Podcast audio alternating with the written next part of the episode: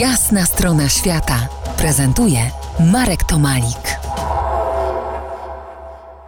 Po jasnej stronie świata Suren Wardanian, pochodzący z Armenii, artysta plastyk, autor ilustracji książek nie tylko do polskich filmów. Rozmawiamy dziś o podróży tropami filmu i muzyki. Kontynuując wątki muzyczne pochodzenia ormiańskiego, trzeba wspomnieć o Okudżawie, choć on chyba zbyt gorliwy w swoich tekstach o Armenii nie był, nie śpiewał. E, przynajmniej na taki trop e, nie udało mi się trafić, żeby Okudżawa śpiewał po ormiańsku po armeńsku nie śpiewał, o Armenii też nie, nie znam żadnych, żadnych piosenek, ale, ale y, też bardzo, bardzo szanowany, bardzo fajny, fajna postać. No, epokowa kiedyś, może już, pewno, może już mniej to, trochę teraz. Jest natomiast y, co najmniej kilkunastu Polaków, y, których większość z nas nie podejrzewa o ormiańskie y, rodzinne korzenie. Na przykład aktorka Anna Dymna, poeta Zbigniew Herbert, reżyser Jerzy Kawalerowicz, czy wreszcie kompozytor Krzysztof Penderecki. Penderecki bardzo mocno się związał z, z Armenią. Jego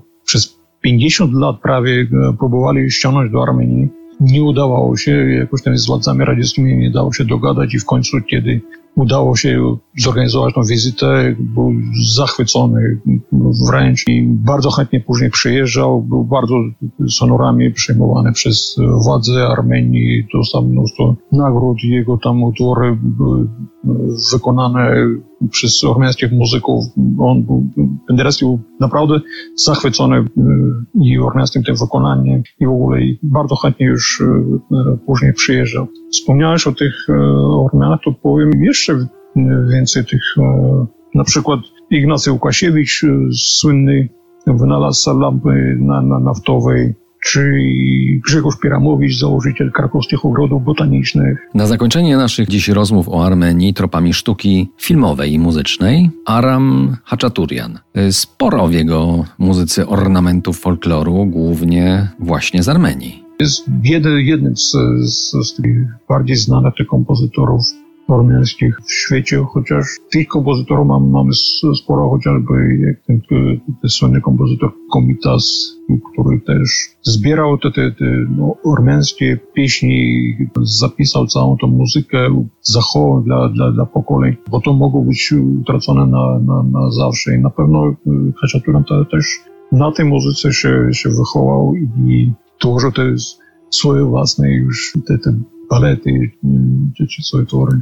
Adagio ze Spartakusa posłużyło jako muzyka do początku trzeciej części filmu Stanleya Kubricka 2001 Odyseja Kosmiczna, który, który dla mnie pozostaje chyba filmem, filmem życia. Przypomnę, że naszym gościem był Suren Vardanian, pochodzący z Armenii, artysta plastyk, autor ilustracji topowych książek polskich i niepolskich autorów. Dziękuję Ci za Twój czas dla nas.